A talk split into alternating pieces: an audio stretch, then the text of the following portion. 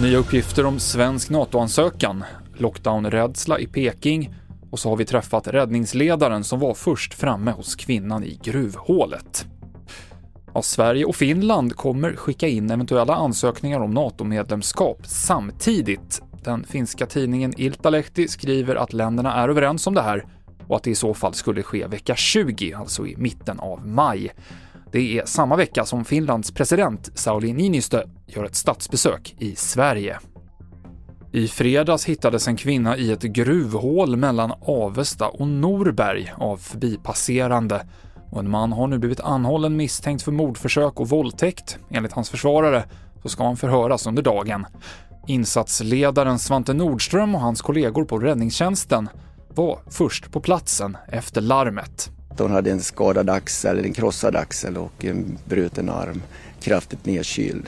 Eh, ja, svarade väldigt svagt på tilltal och så vidare. Hur lång tid tog det tills kvinnan var uppe? Men det tog en ganska lång tid eftersom att eh, helikoptern har väl ungefär 40 minuters flygtid.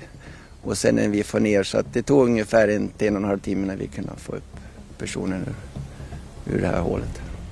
Vad tänker du om den här händelsen? Ja, det är fruktansvärt det som har hänt. Att man kan göra det som vi fick reda på har hänt. Eh, vi vet ju inte, först funderade vi på om det är någon som har gått och snubblat här. Men det visade sig att så inte var fallet och då, då blir det jobbigt. Svante Nordström på räddningstjänsten i södra Dalarna.